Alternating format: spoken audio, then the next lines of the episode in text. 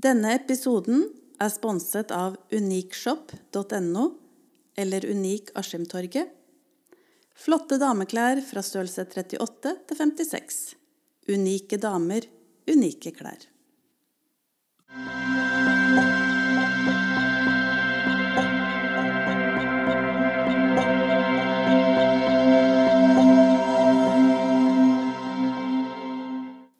Mitt navn er Lilly Gjerstad Andersson. I dag får jeg besøk av Ann Marie. Ann Marie kjenner jeg ikke så godt, men jeg veit hvem hun er. Jeg husker hun var veldig god i håndball når jeg var ung og hun var enda yngre. Eh, Så husker jeg alltid at jeg la merke til det store smilet hennes. Det ser jeg når jeg titter på bilder av henne på f.eks. Facebook også i dag. Men jeg veit det ligger noe mer bak der. Så først vil jeg bare dele en tekst jeg har skrevet. Jeg har vært knust og ødelagt, men det var slik jeg kunne begynne å plukke bitene sammen igjen. Jeg har vært utenfor, så alene, sammen med andre, men likevel så ensom. Det var da jeg begynte å lære mer om meg selv, hvem jeg er og hva jeg står for. Jeg har vært så frustrert for ingen kunne forstå, men det er derfor jeg har lært mer om forståelse og aksept. Jeg har trukket meg vekk, langt inn i skallet mitt, men nå har jeg funnet igjen tryggheten. Jeg har fortsatt behov for alenetid, men det er fordi jeg nå setter pris på det. Når jeg smiler nå, så er det fordi det er slik jeg føler det, ikke fordi jeg må smile for å late som. Og da har jeg bare igjen lyst til å si velkommen, Ann Marie. Og det hadde vært veldig fint hvis du bare først kunne fortelle litt om hvem var du som ung og ung voksen? Eh, ja, det begynner jo å bli noen år siden. Men eh, jeg var vel en veldig aktiv jente. Vokste opp med håndball. Hadde en pappa som spilte aktivt i veldig mange år. Så vi ble på en måte losa inn i disse hallene, da. Så det har vært en stor del av oppveksten min, og forma meg jo veldig. Bli positiv, veldig ja, nysgjerrig, vil jeg si, på livet, egentlig. Litt sånn Var med på det som var gøy. Og det som var mest morsomt, var jo selvfølgelig å spille håndball. Så det gjorde jeg jo fram til jeg var 21. Da begynte jeg vel kanskje å bli en ung voksen. Ehm, men da skada jeg meg. Så da ble håndballkarrieren lagt på hylla. Men jeg føler at jeg var fortsatt en alltid blid, tror jeg nok eh, Det er det første jeg tenker på når jeg tenker på meg sjøl. Positiv og blid. Og det tror jeg nok veldig mange rundt meg vil beskrive meg som hva. Både som ung voksen og som voksen.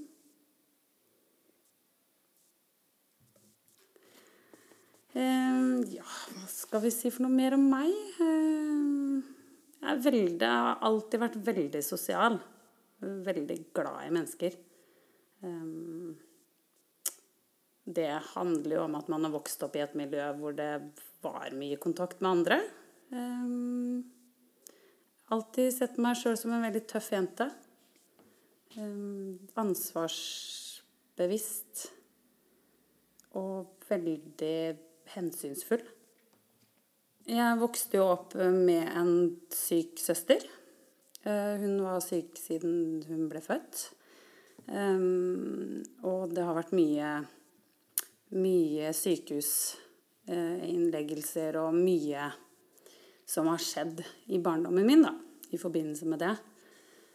Eh, Når hun var tolv og jeg var ni, så døde hun. Og det her snakker jeg jo veldig sjelden om, så det kjenner jeg å ta meg med, med en gang. Um, så, så det er klart at uh, det uh, å miste søstera si i den alderen der, har jo også påvirka meg um, mye. Jeg har fått et veldig nært forhold til mine foreldre. Og det var litt det jeg mente med det at jeg alltid har vært veldig hensynsfull. Um, fordi jeg har jo på en måte vokst opp med å se angsten deres, da. Um, og det lærte jeg meg ganske tidlig øh, å ta hensyn til. Så de visste alltid hvor jeg var, hvem jeg var sammen med, når jeg kom hjem. Um, hvis jeg ikke kom hjem, så ga jeg beskjed om det. Jeg har hele tiden levd på en måte som har sørga for at de skal være trygge, da. Ja. Så det Men de eh, har aldri på en måte satt noen begrensninger på meg. Det har jeg gjort sjøl. De har nok kanskje indirekte gjort det, da. Eh, men de har aldri sagt noe om det, aldri nekta meg noe eller begrensa meg på noen som helst måte. De prøvde å la meg få den ungdomstida og det livet som jeg ønska å leve, da. Men de har hatt mye angst, og det har jeg sett. Så sånn sett har jeg jo vært veldig hensynsfull og tatt mye Ja, tatt mye hensyn til det. Øh, bare snytt meg litt. um, ja, så det er klart um, Når jeg skulle ut i den store verden, flytte for meg sjøl, sånne ting, så så var jo det noe som også påvirka de. De var jo redd for meg, og det har jeg alltid hatt veldig forståelse for. Ehm, og jeg flytta til Fredrikstad og etablerte meg der. Etter hvert så traff jeg ehm, en mann. Endelig. Da var jeg ganske gammel. over 30. Uten barn og sånn. Så han var en knakende fin kar som jeg tenkte at jeg gjerne ville slå meg til ro med, og det gjorde jeg jo. Og etter hvert så prøvde vi å få barn. Det ja, prøvde vi vel kanskje på et års tid før vi endelig ble gravide. Så det var, veldig, det var en veldig etterlengta graviditet. Og ni måneder kunne nesten ikke gå fort nok. Eh, så vi var veldig, veldig spente og gleda oss veldig. Og svangerskapet forløp eh, helt eh, normalt. Var på de vanlige kontrollene, og alt var fint. Og når jeg var en uke på overtid, så da begynte vi å bli veldig utålmodige. Og trodde at vannet endelig gikk, og det det hadde det vel kanskje begynt å gjøre også, men i og med at jeg var såpass mye på overtid, så ville de sette i gang fødselen da. Og da var det jo bare fryd og velstand. Og vi tenkte at yes, nå skal vi bare reise inn og komme oss igjennom en fødsel, og så har vi endelig gutten vår uh, her. Um, og det, den følelsen av Ehm, den naive følelsen, vil jeg jo si nå i etterkant, da. Eh, den var utrolig deilig. Ehm, det var ingen hindringer i verden. Det var bare noe som man skulle igjennom. Ehm, jeg husker vi sto eh, Og det, det er ikke lenge siden jeg så på eller det bildet. Vi tok et bilde rett før vi skulle dra hjemmefra. Og vi var så unge. Og og så lykkelige og så forventningsfulle. Um, og det Ja. Fødselen eh, ble satt i gang, og den tok ganske lang tid. Um, det, ja, det var mange, mange timers venting. Jeg husker tenkte jeg også på noe her om dagen når jeg på en måte prøvde å forberede meg litt til det her. Da, fordi det er jo ikke noe jeg snakker så ofte om. I hvert fall ikke sånn i detalj. Og det å dykke ned i det her er eh, Det er ikke noe jeg gjør så veldig ofte. Eh, så jeg måtte liksom gå igjennom litt hva som hadde skjedd. Og, eh, og da husker jeg En ting jeg husker veldig godt, og det var at jeg, jeg var så sulten. Og så fikk jeg lever på sykehuset. Og det tror jeg aldri har spist før. Verken før eller siden. Så det er liksom detaljer som man bare som er brent fast. Da. Um, og ja, det var en eh, normal fødsel. Uh, alt var under kontroll hele veien. Eh, han satt fast på et tidspunkt, så det ble ganske heftig på slutten.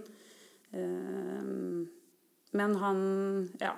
Det, det, han kom ut til slutt. Eh, og det er den beste følelsen. Og jeg husker Tore sto der bare Nå er det ett press igjen. Kom igjen, liksom. Så er han ute. Eh, og, og, jeg husker den følelsen når han, han, når han, kom. Og så ser jeg at de løper av gårde med han. Med en gang. Og eh, jeg ser bare den lille rumpa som bare forsvinner ut av, ut av rommet. Eh, og vi blir på en måte jeg, Vi står og forstår ikke helt hva som skjer.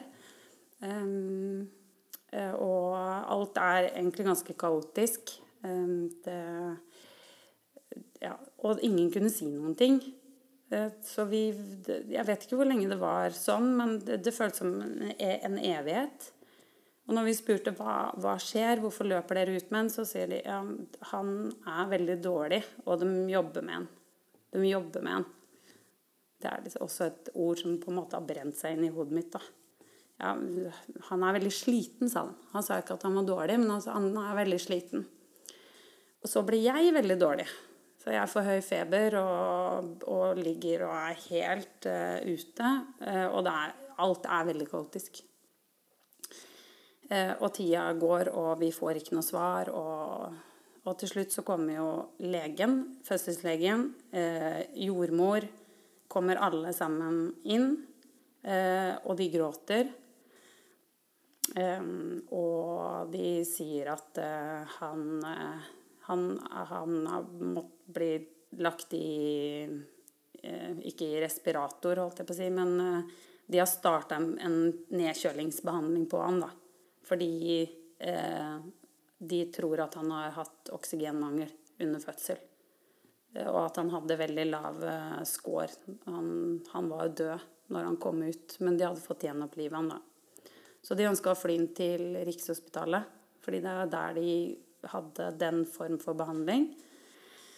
Um, og vi er jo i sjokk, og jeg er uh, helt utafor. Og Tore løper rundt og prøver å finne ut av hva som egentlig skjer. Uh, så får vi lov til å se han før han blir flydd av gårde, da. Så det er jo de få bildene vi har av han som Hvor han er Ja, hvor han ikke bærer så preg av hvor dårlig han var, da det var jo da. Eh, og han var jo verdens fineste. Og vi fikk være der litt sammen, men de måtte fly av gårde veldig fort, da. Så da fløy de med helikopter, og vi kjørte i ambulanse etter. Og fortsatt så gråter jordmødre og sånn, og så sier de Og legen også sier at uh, vi tror det her kommer til å gå bra. Og det var den eneste tanken vi hadde når vi kjørte i ambulansen inn. Eh, det her må gå bra. Eh, eh, ja. Og så kommer vi inn på Riksen, og det er klart at der er det Der er det nådeløst. Altså, der er de vant til Altså, de har syke barn hele tiden. Um, og første møte med legen da uh, Da sa han jo det at uh, enten så dør han, eller så blir han Eller så får han en hjerneskade. Blir en veldig hjerneskada. Eh, ja. Så vi visste jo allerede da at, eh,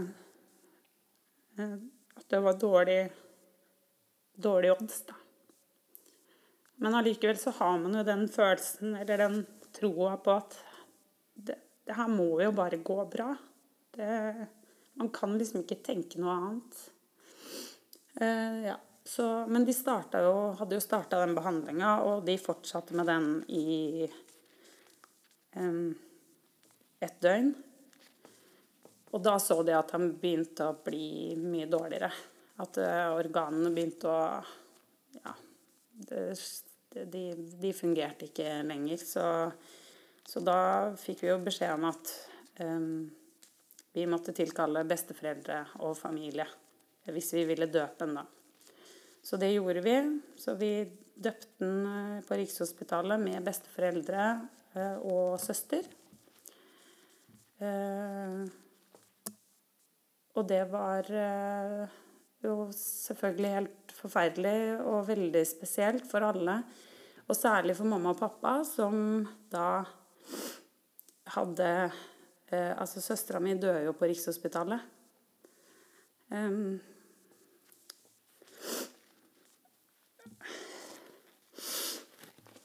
og det å kjøre for de å kjøre inn der og oppleve det samme med barnebarn, det var kjempe, kjempetøft, da. For alle. Eh, så eh, ganske rett etter dåpen så så fikk vi beskjed om at de ønska å skru av alle apparater. Fordi han hadde jo ikke gått. Eh, og det var selvfølgelig ikke noe spørsmål fra vår side om det skulle gjøres eller ikke. Det, det måtte de bare gjøre. Eh, og da kobla de han fra alt av slanger og alle apparater, og så fikk vi sitte med han. Og han, han pusta i to timer i armene våre. Eh, ja, så han døde i armene våre da. Og det var eh, helt absurd. Det er liksom, Når jeg tenker på det i etterkant, så, så forstår man jo egentlig ikke hvordan man kom igjennom det. Eh, men man har jo ikke noe valg. Det er jo Det er jo bare noe man må stålsette seg igjennom. Eh, ja. Men det var vi, vi hadde heldigvis en, en, eh, sykepleier der hele tiden, og hun var ekstremt uh, flink til å uh, fortelle oss at uh, ta mest mulig på han fordi man er jo redd sant? når man sitter der. Man har et barn i armene som du vet skal slutte å puste. Og det var en Jeg var så redd, samtidig som jeg var så full av sorg. Og det var en miks av følelser, så det å ha henne der inne var veldig godt. Eh, det var en trygghet oppi alt, og hun, var, hun tok masse bilder. Så vi har jo bilder av oss når vi sitter med Adrian. Eh, han ble jo døpt Adrian. Og um, som også at kjenn på tottelottene hans, ta på kroppen hans. Bare gjør alt og ikke være redd for noen ting. Så den stunden der var eh, var helt fantastisk, men samtidig helt forferdelig. Eh, og, eh, og når jeg ser de bildene av meg og, og Tore, da, som sitter der med Adrian i armene, så er det helt hjerteskjærende bilder. Det er Og det er veldig få som har sett de bildene. Um, så vi har jo vi har masse bilder. De var flinke til å, å som sagt, fortelle oss at vi tar masse bilder. Vi har masse bilder av han, eh, både mens han lever, og også etter at han døde. Og eh, når vi da Etter at han slutta å puste, så, så husker jeg nesten Da tror jeg jeg bare har blacka ut. Fordi da husker jeg ikke hva som skjedde. Men jeg husker i hvert fall at eh, alle besteforeldre, søster, eh, satt på et eget rom. Eh, og vi måtte inn der. Og det var Det var så mye sorg at eh, Det var eh, Nei, det, det, det går nesten ikke an å beskrive med ord. Så i etterkant så var vi en natt på Riksen. Det var jo helt forferdelig. Fordi du ble da liggende på nyfødtavdelingen, da. Så du ligger jo med alle mødre som har fått barna sine, og du hører barneskrik, og, og du, det, det minner deg hele tiden på hva du ikke har. Og det var, eh, det var tøft. Samtidig så var det ikke noe annet sted jeg heller ville være, fordi Adrian var jo fortsatt der. Men var jo, da var jo han på kapellet, og vi hadde muligheten til å se han dagen etter, og Tore gjorde det. Men jeg ville ikke det. Jeg Nei, jeg vet ikke hvorfor. Men jeg var fortsatt veldig dårlig sjøl òg. Så så har jeg tenkt litt eh, Kanskje ikke så mye på det i ettertid, men før jeg skulle hit Om jeg burde ha gjort det. Jeg vet ikke. Det er ikke noe jeg har eh, angra på at ikke jeg gjorde. Jeg følte at jeg på en måte fikk tatt avskjed når vi satt der med han, da. Jeg følte at det var på en måte endelig. Hvis jeg skulle gått og sett han en gang til, så måtte jeg vært igjennom den der på ny. Og det, det orka jeg ikke. Så Tore han eh, kledde på han og stelte han og ja, gjorde han klar, da. Og så ble han jo Så ble jo han frakta videre derfra, da. Så vi var på Riksen et døgn, og så dro vi hjem. Og det var eh, Det å komme hjem til et tomt Altså et hus som er fullt av uh, babyting. Alt står klart. Stellebordet, senga Alt var jo klart for en baby. Og det å komme hjem uten noen ting, det var Det var kjempetungt. Og de dagene etter der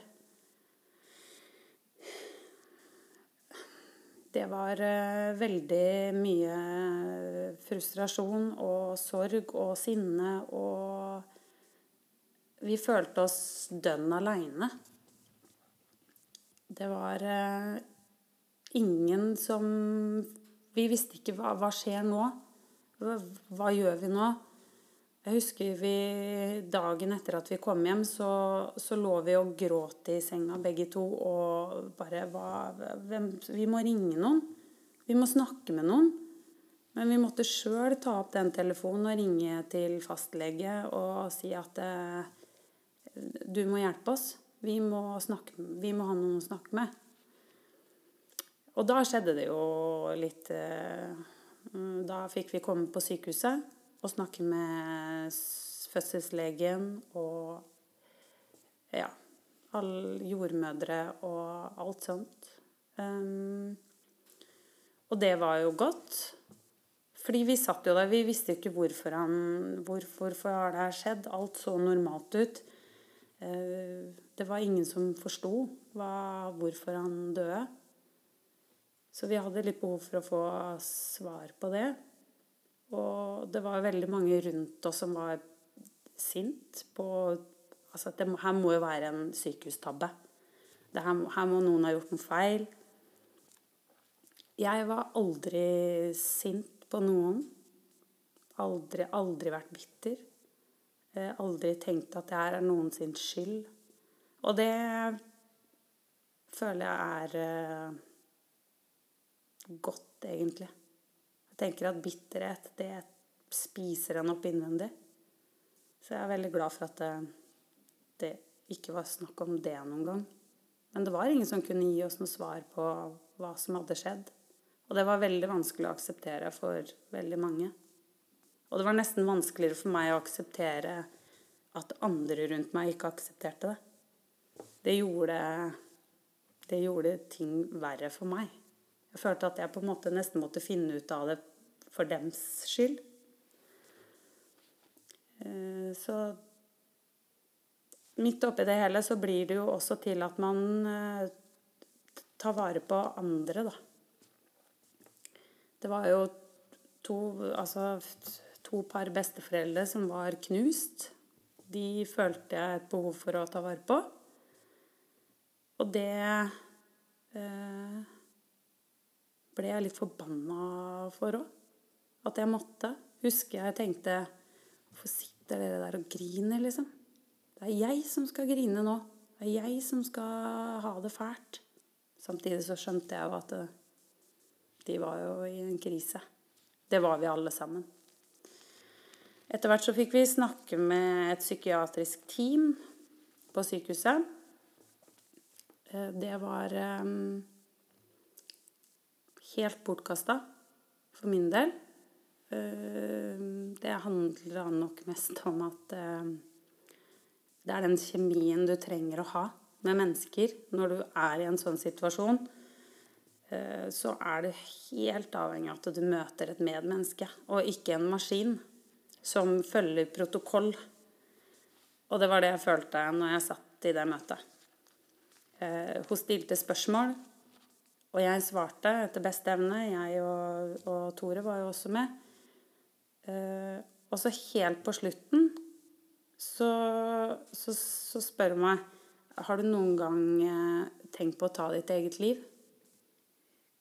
Og da tenkte jeg bare Du har ikke hørt på noen ting av det jeg har sagt, du.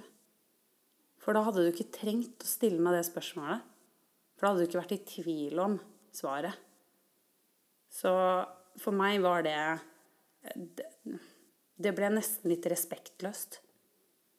At jeg satt og delte av meg selv til henne, og så forsto jeg at uh, du, du, er egentlig ikke interessert. Du, du skal bare krysse av på skjemaet ditt. For det der er du forplikta til å spørre om. Så det provoserte meg ganske mye. Så jeg dro aldri tilbake dit og snakka med de. Da kunne jeg heller snakke med andre jeg hadde rundt meg. For heldigvis hadde jeg fantastiske mennesker rundt meg. Og ikke minst så hadde jeg jo en mamma og en pappa som har mista et barn selv. Som visste akkurat hvilke følelser eh, jeg satt med. Og det er jo virkelig på godt og vondt, da også for dems del, fordi de kjente så veldig på kroppen. De visste akkurat hva jeg gikk igjennom. Så det her var jo en dobbel sorg for de. Um, men det, det, var gode støttespillere å ha. Og jeg husker jeg spurte mamma Det var ganske raskt etterpå at uh, Kommer det til å bli bra igjen noen gang? Og da husker jeg mamma svarte ja, det kommer til å bli bra igjen. Men det kommer til å ta veldig lang tid. Um, og det har jeg jo skjønt i ettertid at det gjør. Tårene kommer nå elleve år etterpå, så ja.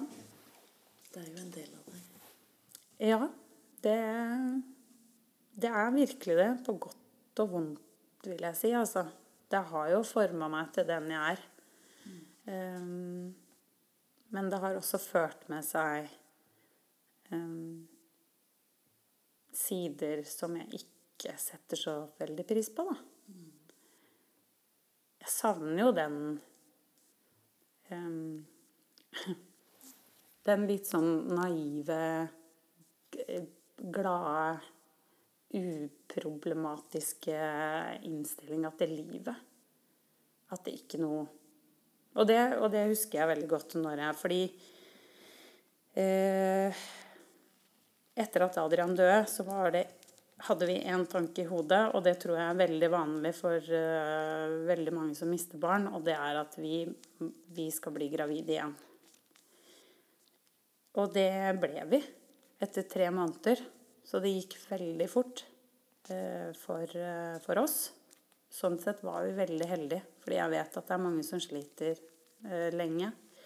Og det er klart at det var Det var noe vi trengte akkurat da. Og Men tre måneder, det er så kort tid. Kroppen min hadde jo ikke på en måte kommet seg i det hele tatt. Og det er jo litt av det som også er å miste barn som akkurat er født, eller miste barn sent i svangerskapet. Kroppen, den fortsetter jo som om du skulle ha vært mamma. Så det, det, man fikk, får jo melk og alle de tinga der. Og det er jo en ekstra belastning. Når du står og har melkespreng, og så har du ingen baby du kan gi det til. Eh, det, det var Ja, det er sånne ting man kanskje ikke tenker på eh, som, hvis man ikke har vært igjennom det sjøl. Men det var jo også kjempetøft. Så kroppen min var jo ikke klar for et nytt svangerskap i det hele tatt. Men eh, det var en redning på mange måter. Man fikk flytta fokus litt. Grann. Eh, men samtidig så Jeg var ikke klar. Verken i hodet eller eh, kroppslig eller noen ting. Men eh, vi kom oss nå igjennom. Ni måneders graviditet. Full av angst, selvfølgelig, for alt som kunne skje. Og heldigvis så ble jeg veldig godt fulgt opp av sykehuset. Uh, fødselslegen jeg hadde når jeg fødte Adrian, var der for meg hele tiden. Og jeg hadde masse kontroller, og ja De, de tok godt, veldig godt vare på meg under det svangerskapet. Og de fant jo ut etter hvert at um, han døde av Han døde av en GBS-infeksjon. Det er et, en bakterie som, eh, som veldig mange damer har uten at de vet om det. Som smitter i fødselskanalen, da. Det er veldig vanlig å skrine for i andre land, men eh, ikke her i Norge. Og det er 0,05 som dør av det, da. Så det er uh, veldig Ja, det er vanlig, men det er veldig sjelden da noen blir så syk av det at de dør, da. Så det var godt å få, få et svar på hvorfor han døde. Da, da, hadde jeg noe å forholde meg til. Da hadde jeg noe konkret å være redd for. Under uh, under svangerskapet med, med nestemann. Så jeg ble jo kontrollert og sjekka for det hele tiden. Uh, og heldigvis så hadde jeg ikke noe oppblomstring av det under den graviditeten der, da. Så det I løpet av graviditeten så er det jo mye angst, da. Jeg er jo redd for at det samme skal skje med, med Liam, som han heter. Um, og eh, jeg, det blir jo ganske tidlig bestemt at jeg skal ta keisersnitt. Uh, og det tas jo gjerne litt før termindato. Og det som er litt, var litt spesielt da, var at i utgangspunktet fikk jeg termindatoen, en opprinnelig termin, da, på eh, bursdagen til, eh, til, Adrian. Samme dagen som han ble født. 13. februar. Han ble faktisk født fredag 13. Og det var jo også noe vi tulla litt med når vi lå der og spiste lever og skulle føde. Så sa vi jo 'tenk om han blir født på fredag den 13.' Og det gjorde han jo. Så den er jo litt spesiell alltid for oss, den fredagen 13. Eh, men uansett, da. Jeg babler i vei her, jeg. Så, eh, så da ble det jo bestemt at jeg skulle ta keisersnitt, og det var jeg veldig glad for. fordi det å forholde seg til en termindato som var i samme dato, det ville blitt vanskelig. Eh, og så er jeg veldig glad for at det blir keisersnitt. For det å gå gjennom en fødsel så tett på, den, en fødsel som endte så fatalt, det, det, hadde jeg ikke hatt styrke til, tror jeg. Jeg ville bare få den ut bare så kjapt som mulig. Og det er klart, det var en stor lettelse når det skjedde. Og det gjorde vi også jeg var fast bestemt på at jeg skulle ta det på Rikshospitalet. Eh, fordi der hadde de eh, de beste legene. Tilfelle noe skulle skje igjen. Så det lå i bakhodet på meg hele tiden at, eh, at det kunne skje noe. Fordi jeg hadde mista den, som jeg snakka litt om i stad, den, den naive uh, følelsen. Den forventningen som du har når du skal inn og føde. Som jeg ser de fleste jenter har. Og det syns jeg er så bra. Men samtidig så er jeg misunna de. Begge gangene jeg har eh, Eller nå har jeg har to barn da, som jeg har fått etter Adrian. Og den følelsen der har jeg tenkt på hver eneste gang. At jeg skulle ønske at jeg hadde. Så ja, den angsten eh, Den har, henger eh, Har hengt over Hang. Hang over meg hele svangerskapet. Det har den gjort med begge gutta. Men også selvfølgelig etter at de har født. Det er en evig kamp mot den angsten som ligger der for at noe skal skje dem. Og det ja, det er jo kanskje en angst som jeg har hatt med meg helt siden søstera mi døde. Eller siden jeg ble født, nesten.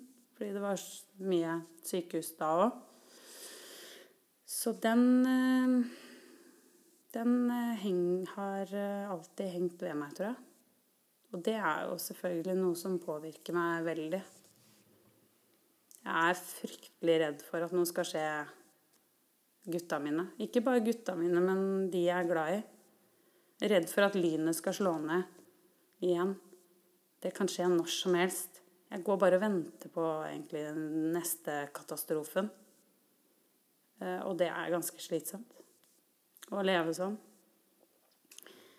Eh, og så er jeg jo ganske flink til å skjule det, tror jeg, for eh, de fleste.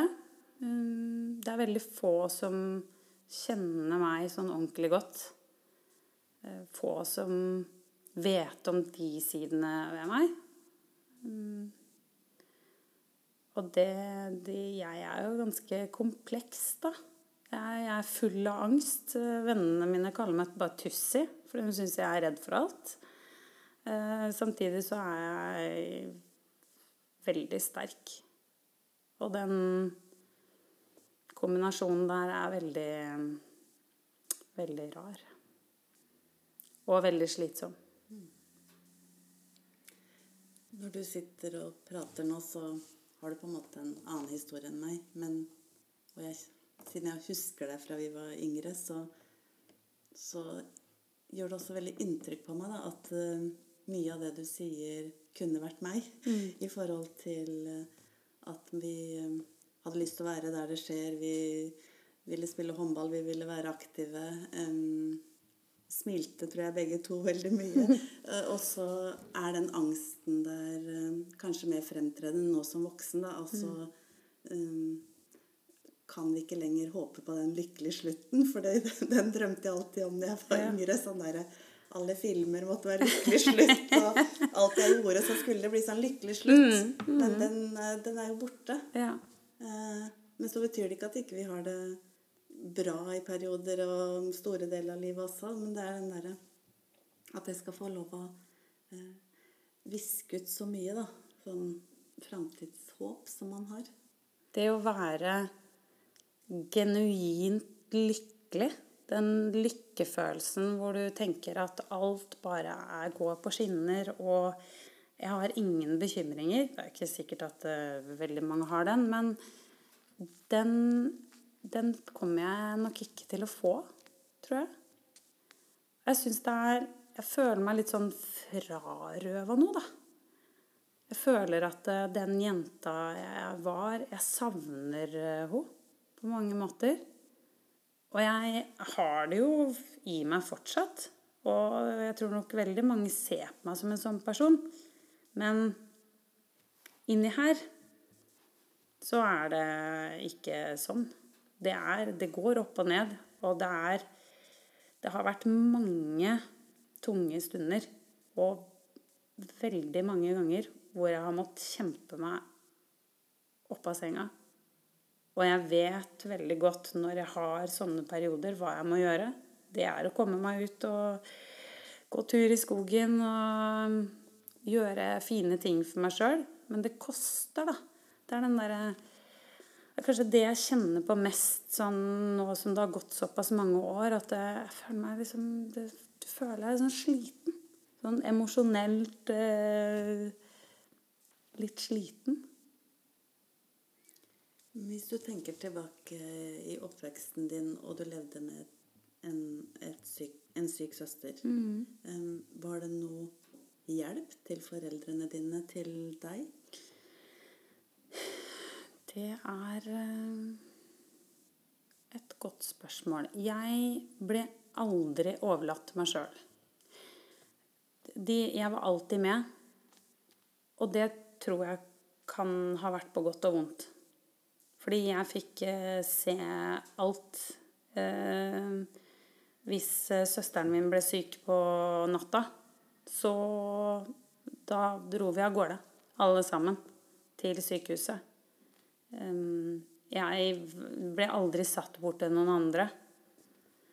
Og det gjorde jo at jeg på et tidspunkt var redd for å være borte. Fordi da visste jeg ikke hva som skjedde hjemme.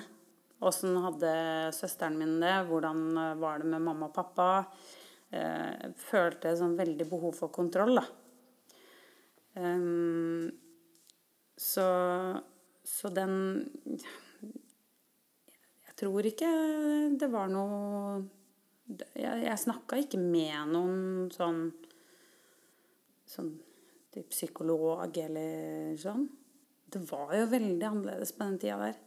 Jeg husker når Ann Therese døde, så um, Når jeg kom tilbake på skolen da, så ville jeg gjerne snakke med vennene mine om det.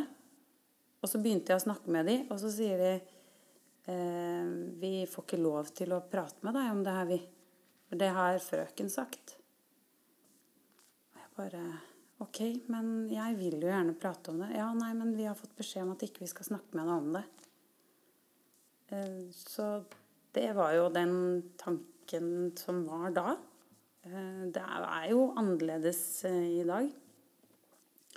Men samtidig så har nok veldig mange mennesker den følelsen at hun vil sikkert ikke snakke om det. Og det er ikke alltid man vil heller. Men det er noe med det der å våge å spørre. Tror jeg har lært mye av å ha gått igjennom en sånn type krise sjøl, da. Eh, Jeg er ikke redd for å snakke med mennesker som, som har det, som opplever sånne ting. Det er bedre å spørre. Men eh, jeg husker veldig godt eh, at jeg var kjemperedd for at noen hadde posta noe på Facebook eller sånn når Adrian døde. For det var jo ikke Det er jo helt annerledes nå. Eh, og det husker jeg jeg var kjemperedd for. At noen hadde skrevet noe på veggen min eller et eller annet som Det, det ville jeg ikke. Og så var jeg eh, Jeg skjøv alle vekk. Eh, Bestevenninna mi var jo høygravid, og det var jo kjempevanskelig. Jeg tror ikke jeg møtte noen av mine nærmeste venner før det kanskje hadde gått flere uker. Og de sto nesten på døra og banka på. Bare, Vær så snill, vi Er det noe vi kan gjøre? Men jeg skjøv alle vekk. Så var det meg og Tore. Og sånn har jeg kanskje alltid tenkt litt på den, det med Adrian, da. Det føles veldig privat. Og nå sitter jeg og snakker om det foran for mikrofon. Så det er litt, eh, litt rart. Men eh, samtidig litt godt òg. For det er noe med det at man eh, Livet går videre, da. Og så som et lokomotiv. Og så har du aldri mm, Du vet at hvis du åpner den døra, så kanskje du går helt ned i kjelleren. Og det har du aldri mulighet til. Så da stenger du igjen den døra. Og så åpner du den en gang imellom, sånn som nå. Og da, da kommer jo tårene. Da eh, kjenner man på hele kroppen. Man husker eh, altså følelser, lukter, lyder. Alt husker man jo i detalj. Og så allikevel så er det så mye som er borte i den perioden der. Og alt var svart. Husker jeg var ute og gikk tur. Hadde verdens styggeste Uggs. Eh, gikk eh, bare i nabolaget. Og alt var mørkt rundt meg. Sjøl om det var en, en kjempefin, solrik dag, så var det akkurat som jeg gikk i en mørk, mørk eh, korridor. Alt var eh, svart. Men du sier at du egentlig ikke prater med alle om det, men du kan ta det til noen, og så forteller du det nå mm, for mikrofon, og hvem som helst kan høre. Men tenker du også at det er med på Ok, da har du sagt historien din, den ligger der, og så de som er nær deg, kan velge å høre der. Og så er det på en måte din måte å fortelle det på, da. Og så velger du når du vil åpne opp litt igjen. Fordi det tror jeg på, da. At eh, det å ha lagt den ut der, så slipper alt å bare være inni Ja. hodet ditt. Men du kan få lov Eller du kan si 'lytt hvis dere orker'. Ja. Og så er det når eh, du sendte meg melding og spurte om jeg eh, hadde lyst til å være med på det her, så måtte jeg tenke meg godt om. Nettopp fordi det er få som har hørt den historien eh, her i detalj.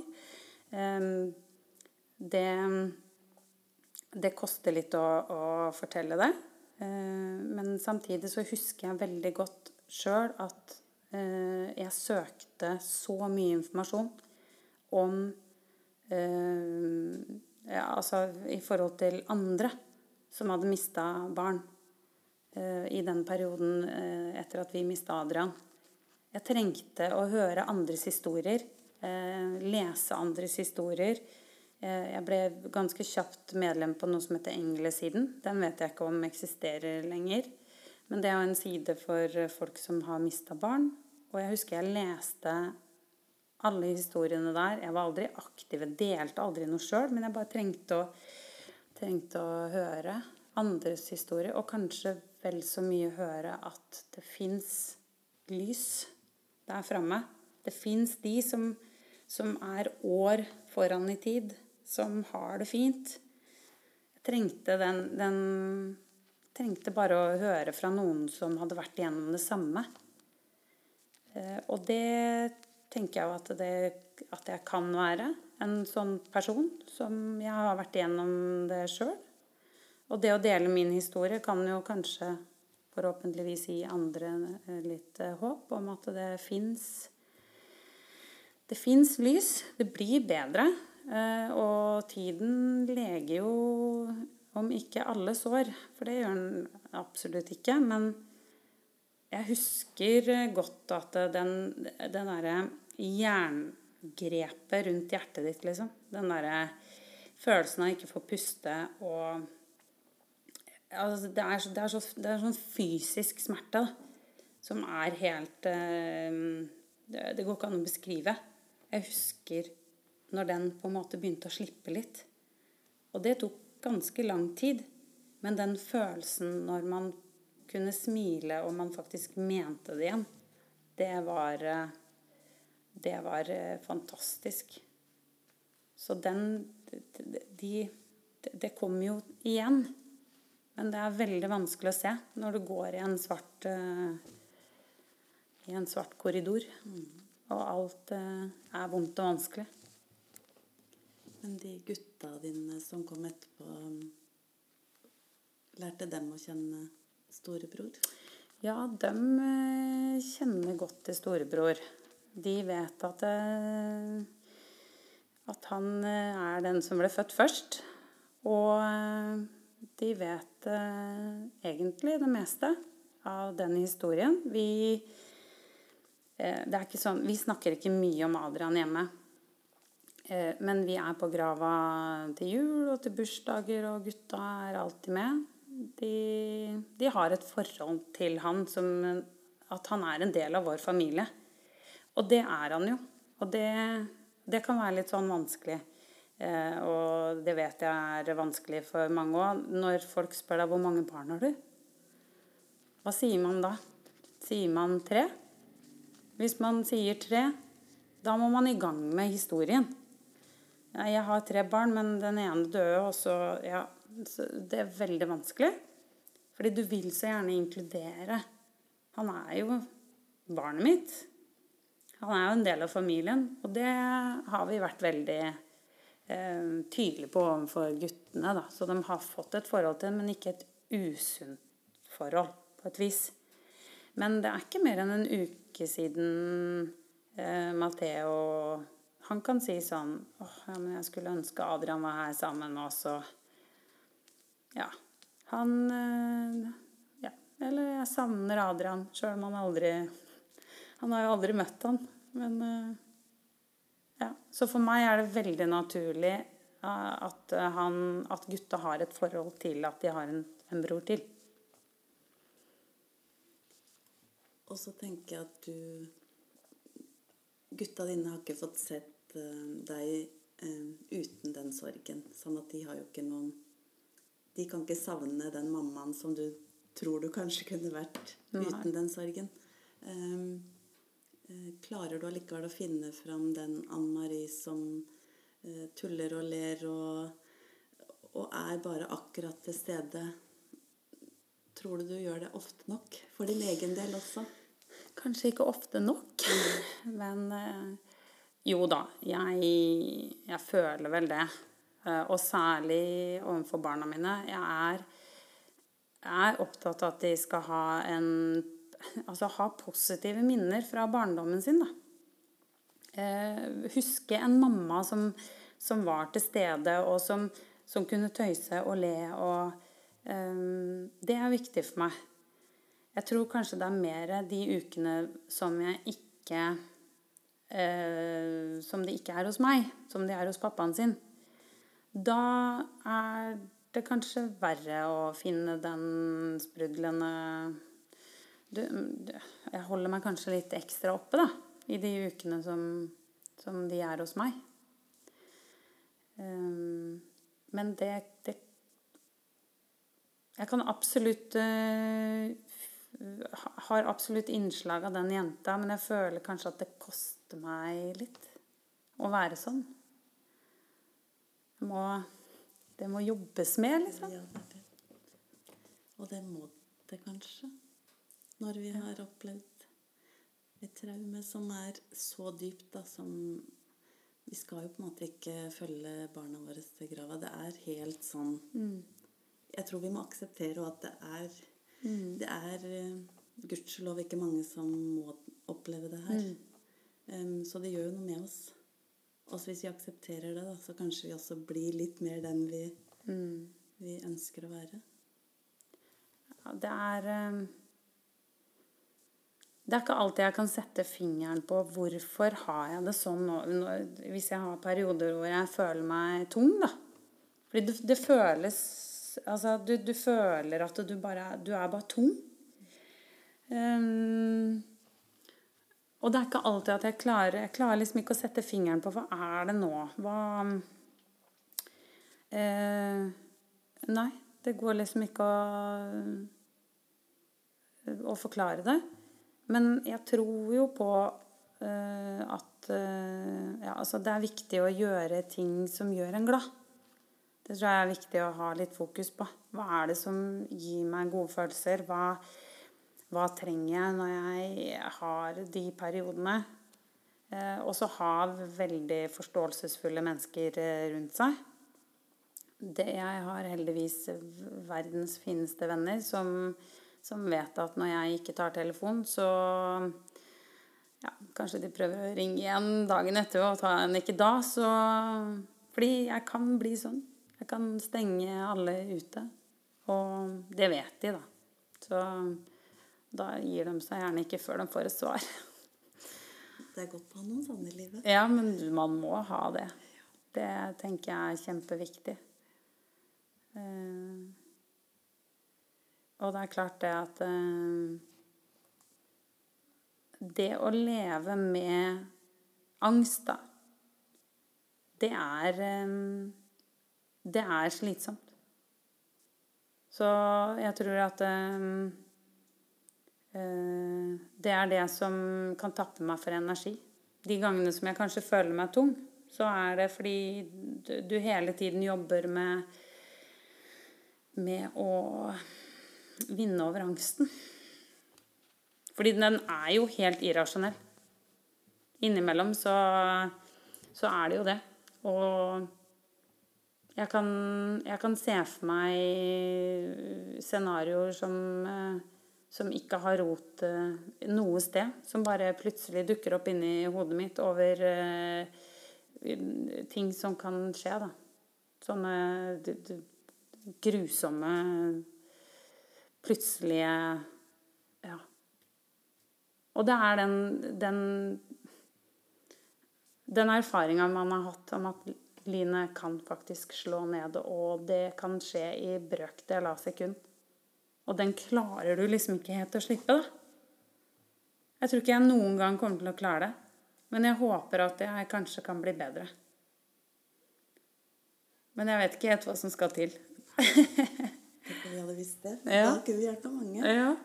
Men jeg tror jo på bare det å være åpen om det, da. Mm. Og så kanskje ikke til alle, men så er vi jo litt det når vi deler her. Men fordi det du sier Altså, jeg kjenner jo igjen alt. Mm. Og alt var enda sterkere for noen år siden. Nå er det jo mange år siden det skjedde hos meg. Men uh, uh, uh, jeg frykta jo også alt hele tida. Mm. Kan fortsatt gjøre det. Men eh, det hjelper på en måte å høre at noen andre kan være like gæren. Ja. Jeg er like gæren, så det, der er vi to. Der er vi to. Det hjelper litt. Kan, kan du være redd for Er det bare barna dine, eller er det deg sjøl, andre du er glad i? Ja, eh, det var veldig mange, mye andre jeg var glad i um, til å begynne med. Mm. Men det har jeg på en måte måttet slippe litt, da. Det ble for mange å passe Ja, på. ja. Var ikke plass nok. Men uh, disse gutta mine har jo måttet ha meldeplikt eh, mer enn en vanlig ungdom, tror jeg. Mm. Ja. Men uh, ved at jeg har forklart det, da, så har de jo prøvd å forstå meg. Mm. Og ved at de forstår meg, så blir angsten mindre, da. Mm. Hvis du ikke møter forståelse, så blir den jo bare forsterka. Mm. Det er kanskje en av de tinga som jeg er mest, har vært og er mest redd for. Mm. At jeg skal overføre min angst på barna mine, og at jeg skal begrense dem eh, i, i livet generelt. Fordi det er vi, vi snakker om at jeg Jeg tenker at det er veldig greit ja, at de sitter i sofaen. Der har jeg kontroll på dem. Eh, Det er ingen farer som lurer på sykler eller eh, noe som helst. Den følelsen der, den tar jeg meg i å ha. Og den må jeg jobbe med. Så det er ikke sånn at barna mine bare sitter i sofaen. Eh, Men det koster meg, da. Det koster meg hver gang jeg sender dem ut på sykkel, nesten. Det, det må, da må jeg på en måte jobbe i hodet mitt, da. Med at eh, det her går fint. Og skyve den unna. Og jeg kjenner jo igjen alt dette. Mm. Og derfor har det blitt en del uh, turer uh, ekstra på meg med Mm. en bil bare for å sjekke. Men det de ikke veit, tenker jeg, da har de ikke så vondt av det. For at de i hvert fall skal få lov, da. Mm. Eller sitte oppe langt på natt og tro alt skjer når de ikke kommer hjem akkurat som de har sagt. Men de har jo fått lov å dra ut uh, lørdagen etter og lørdagen etter for Ja. det. Det er jo jeg som får bare stå i det. Mm. Men det koster deg. Det koster meg. Og det kjenner jeg jo fysisk etter hvert også. Ja. Men eh, eh, ved å i hvert fall si at det er sånn, da, uten å pålegge dem noe, Mm. så tror jeg det gjør det litt lettere. Mm. Så, og så alt etter hvor gamle de er, selvfølgelig. Ja. ja. Ja. Mine er litt små ennå til å, at jeg kan forklare dem så mye av det. Men de har det jo dobbelt, egentlig, da. For de har det, de har det jo både fra besteforeldre eh, og fra meg. Eh, så de har jo fått høre opp igjennom at eh, Nei, men pass deg for det, og vær forsiktig for det, og eh, Og jeg og mamma og pappa, vi snakker egentlig mye om det. At vi må prøve å la være bare ikke si det isteden. Ja. Jeg, jeg har jo et eh, håp om at eh, det vil bli bedre. Jeg tror at det er viktig å stoppe opp, rett og slett. Det ser jeg på meg sjøl når eh, jeg stopper opp og ser litt innover og blir, er bevisst det sjøl, bevisst tankemønsteret mitt, hvordan jeg reagerer, så eh, kan man jobbe litt med det. Eh, og ikke minst åpne opp og prate om det. Sånn som det vi gjør nå. Det tror jeg også er veldig viktig. Det er enig i. Og jeg har sagt litt mer enn det jeg pleier å si om den angsten min, så det, det Vi prøver jo å skjule litt innimellom. Ja. Ja. Jeg må bare si tusen hjertelig takk for at du har turt å åpne opp. Og den sorgen din kan jeg ikke fjerne. Den er en del av deg. Men at du kan dele litt om det, og kanskje noen andre um, tør å åpne litt uh, opp om sin historie. Så jeg vil bare gi deg eh, boka jeg tror, jeg tror kanskje du har Nei, vet du hva, jeg eh, fikk aldri bestilt meg den. Okay. så da passer det. Så den var helt super, for den har jeg hatt planer om å kjøpe meg. Og der har jeg skrevet en hilsen til deg. Og så er det bare en bok da, Nei, en kopp som du kan uh, prøve å puste litt Ja, det skal jeg virkelig gjøre. Jeg må si tusen takk for meg. Det har vært eh, kjempehyggelig å komme hit. Og det har vært deilig på mange vis å bare få prate. Så jeg sier takk for meg, og takk for uh, superfine gaver. Så hyggelig. Mm.